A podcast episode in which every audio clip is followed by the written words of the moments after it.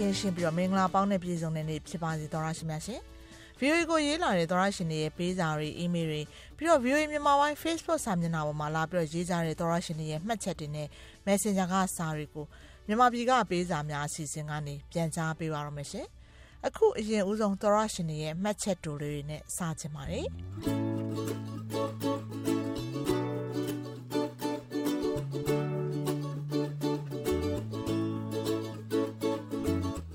ကျွန်တော်ရဲ့စာလေးကိုမြန်မာပြည်မှာပေးစာများအစီအစဉ်ကနေဖော်ပြပေးတဲ့အတွက်အထူးကျေးဇူးတင်ပါတယ်။အရင်လဲဝမ်းသာမိပါတယ်။ VOA ဖွဲ့သားတွေအားလုံးလည်းနေကောင်းကျန်းမာပြီးတော့လိုရင်ဆန္ဒပြေဝကြပါစေခင်ဗျာ။အစင်အမြဲအားပေးနေပါတယ်ဆိုပြီးတော့စာရီအမြဲတမ်းရေးတတ်တဲ့ခိတမလေးရှားကသောရရှင်ပြောင်းနေတာကနေပြီးတော့အခုစာပြန်ရေးလာတာတွေ့ရလို့ဝမ်းသာပါတယ်ရှင်။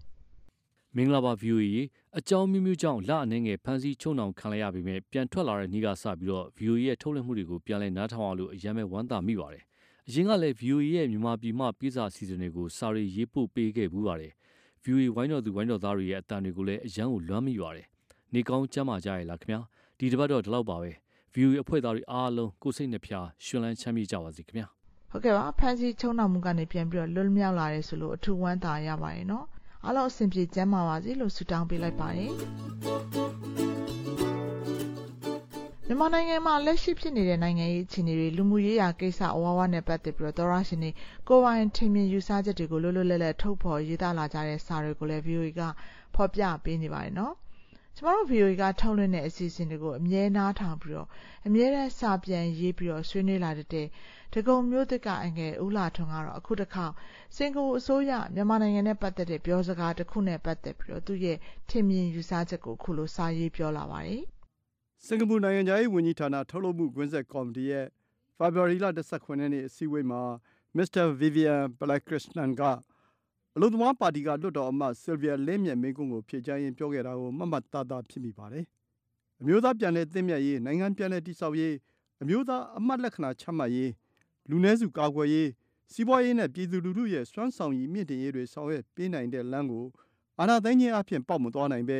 လက်ရှိလမ်းဟာ လမ်းဆုံးလမ်းသိဖြစ်တယ်လို့ သူက ပြောခဲ့တာပါ မြန်မာနိုင်ငံရဲ့ အခြေအနေဟာ ကြေကွဲစရာ အခြေအနေ ဖြစ်ပေမဲ့ ပြည်တွင်းရေးကိစ္စကိုပြည်ပကဝေရောက်ဆွက်ဖက်ဖြည့်ရှင်းပေးနိုင်မယ်လို့စင်ကာပူကမယုံကြည်ကြောင်းနိုင်ငံခြားရေးဝန်ကြီးကပြောပါတယ်မြန်မာလူဖွဲ့စည်းအတွင်းပါဝင်နေကြတဲ့အဓိကပါဝင်ပတ်သက်သူတွေကိုယ်တိုင်ကမြန်မာပြည်သူတွေရဲ့အနာဂတ်အတွက်စားပွဲဝိုင်းမှာထိုင်စစ်မှန်ပွင့်လင်းစွာစကားပြောဆိုဖို့ပြင်းပြင်းစင်စင်မရှိသေးဘူးဆိုရင်ပြဿနာကိုကျွန်တော်တို့ဘာမှမဖြေရှင်းနိုင်ပါဘူးလို့နိုင်ငံခြားရေးဝန်ကြီးကဆိုပါတယ်။ဖြောက်မကောင်းမွန်မှန်ကန်တဲ့အလေးကျူပြုရမယ်စေတနာစကားပါ။ ဟုတ်ကဲ့ပါဒါကဖေဖော်ဝါရီလကုန်တော့ကပြောသွားခဲ့တာဖြစ်ပါရဲ့နော်။မလလားလယ်ပိုင်းမှာတော့စင်ကူဝန်ကြီးချုပ်ကမြန်မာနိုင်ငံပြဿနာပြေလည်စေရေးအတွက်သဘောတူထားတဲ့အစီအစဉ်တွေတိုင်းမြန်မာနိုင်ငံအကောင့်ထဲတကယ်ဖော်ပြလာအောင်လို့စင်ကူနိုင်ငံအနေနဲ့အင်ဒိုနီးရှားအပါအဝင်တခြားအာဆီယံနိုင်ငံတွေအပြင်ကုလသမဂ္ဂလိုမျိုးမိဖက်အဖွဲ့တွေနဲ့ပူးပေါင်းပြီးတော့တွန်းအားပေးဆောင်ရွက်သွားမယ်လို့ပြောကြားသွားခဲ့ပါတယ်။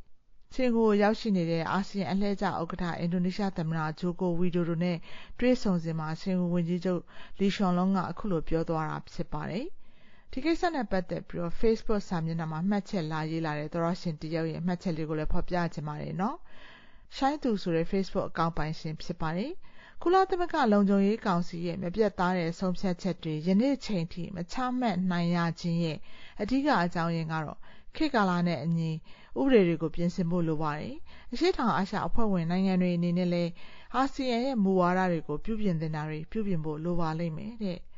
အောက်မှာမှတ်ချက်လာပြီးတော့ရေးသွားတာဖြစ်ပါတယ်။ဒီသတင်းနဲ့တက်ဆက်သေးပဲနောက်ထပ်အာရှနိုင်ငံတနိုင်ငံဖြစ်တဲ့ဗီယက်နမ်နိုင်ငံမြန်မာနိုင်ငံနဲ့ပတ်သက်ပြီးတော့ပြောကြားချက်ပေါ်သရရှင်တွေတုံ့ပြန်လာတာမှာတော့ဗီယက်နမ်ကပြောကြားချက်မှာတော့မြန်မာအရေးနိုင်ငံတကာနဲ့အဓိကပူးပေါင်းဆောင်ရွက်မယ်ဆိုပြီးတော့အာဆီယံအဖွဲ့ဝင်နိုင်ငံလည်းဖြစ် အခု2023ကနေပြီးတော့2025အထိကုလသမဂ္ဂလူ့အခွင့်အရေးကောင်စီအဖွဲ့ဝင်နိုင်ငံလည်းဖြစ်တဲ့ဗီယက်နမ်နိုင်ငံအနေနဲ့မြန်မာနိုင်ငံမှာလတ်တလောရင်ဆိုင်နေရတဲ့အခက်အခဲတွေကျော်လွှားနိုင်ရေးတွေးဆုံဆွေးနွေးမှုဖြစ်ပေါ်လာရေးနားလည်မှုတည်ဆောက်ပြီးတော့သဘောထားကွဲပြားမှုတွေလျှော့ချနိုင်ရေးအတွက်နိုင်ငံတကာအသိုက်အဝန်းနဲ့ပူးပေါင်းဆောင်ရွက်သွားမယ်ဆိုပြီးတော့ကုလသမဂ္ဂဆိုင်ရာ VN အမြဲတမ်းကိုယ်စားလှယ်ကနယူးယောက်မှာမတ်လ16ရက်နေ့ကကျင်းပတဲ့89ကြိမ်မြောက် ကုလသမဂ္ဂအထွေထွေညီလာခံအလို့သဘောဆွေးနွေးပွဲမှာပြောကြားသွားတာပါဒါကိုတုံ့ပြန်ရေးသားလာကြတဲ့သောရရှင်တွေတဲမှာတော့တန်တရားနဲ့သတိထားစောင့်ကြည့်နေတဲ့အနေအထားမျိုးတွေပါနေတာတွေ့ရပါတယ်။ဒါကိုသောရရှင်မျိုးဝေကတော့အမြဲတမ်းကိုယ်စားလှယ်တွေရဲ့ပြောဆိုမှုတွေဟာအကျိုးစီးပွားတွေအတွက်ကာဝယ်ပြောဆိုနေတဲ့အဖြစ်မျိုးရှောင်ရှားဖို့လိုပါမယ်တဲ့။ Bill Engel ဆိုတဲ့သောရရှင်ကလည်းအာဆီယံဘုံသဘောတူညီချက်ကိုလည်းမလိုက်လျော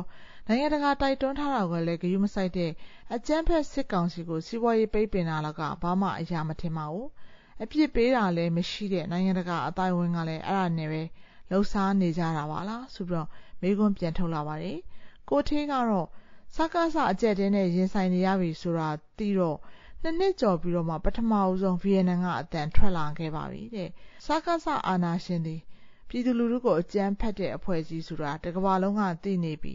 အခုမှတရုတ်နိုင်ငံနဲ့လက်ဝါးချင်းရိုက်ပြီးတော့စကားစထွက်ပေါက်ရအောင်လုပ်မယ်ဆိုတဲ့အကွက်မျိုးပါပဲဘာပဲဖြစ်ကြိုးဆိုပါရအာတုပီအမြန်ဆုံးဝင်လာပေးပါတဲ့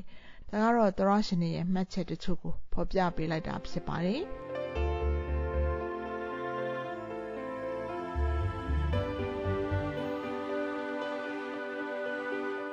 ရင်ဖွင့်လာတဲ့သောရရှင်တွေရဲ့စာတွေကိုလည်းဖော်ပြပေးခြင်းပါတယ်ရှင်။မြန်မာနိုင်ငံကအမျိုးသမီးလေးတွေနေဆက်မှာရောင်းစားခံရလို့ပါဆိုပြီးရေးလာတဲ့သောရရှင်တွေရဲ့စာတွေကိုလည်းလက်ခံရရှိပါတယ်။ဒီထဲမှာသောရရှင် reader ဆိုတဲ့သောရရှင်က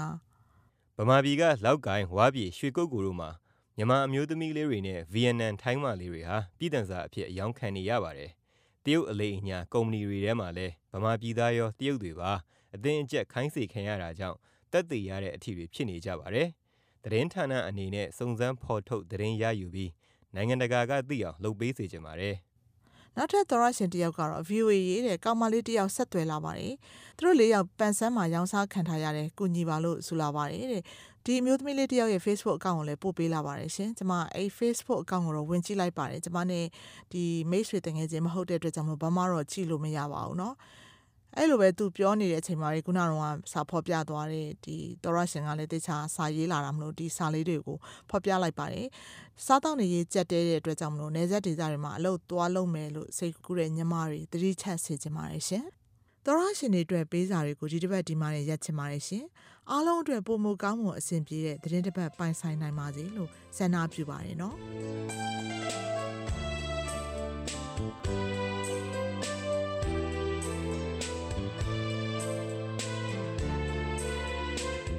မတို့ VOA မြန်မာပိုင်းရဲ့ရုပ်မြင်သံကြားနယ်ရေဒီယိုစီစဉ်တင်ဆက်မှုတွေနဲ့ပတ်သက်ပြီးတော့အကြံပေးဝေဖန်ခြင်းနဲ့ပြီးတော့ကိုယ်တိုင်တွေ့ကြုံနေရတဲ့ဖြစ်ပျက်တွေနိုင်ငံရေးအခြေအနေတွေနဲ့ပတ်သက်ပြီးတော့ကိုယ်ပိုင်ထင်မြင်ယူဆချက်တွေရင်ဖွင့်စာတွေရေးတင်ကြတယ်ဆိုရင်တော့ကျမတို့ VOA ကိုစာရေးသားဖို့ဖိတ်ခေါ်ပါရနော်။ email ကနေစာရေးမယ်ဆိုရင် bami@voanews.com ကိုမြန်မာပြည်မှပေးစာများအစီအစဉ်ဆိုပြီးတော့ရေးသားပေးပို့နိုင်ပါတယ်။ Facebook အသုံးပြုတဲ့သူတွေအနေနဲ့လည်း VOA Burmese News ဆိုတဲ့ VOA မြန်မာပိုင်းရဲ့ Facebook စာမျက်နှာကိုတွားပြီးတော့မှတ်ချက်တွေလာပြီးတော့ရေးနိုင်တယ်လို့ VOA မြန်မာပိုင်း Facebook Messenger ကနေပြီးတော့လည်းစာရေးပို့လို့ရပါတယ်။သောရရှင်တွေစီကတုံ့ပြန်အကြံပြုလာမှာတွေကိုစောင့်မျှော်ကြိုးစွနေပါတယ်ရှင်။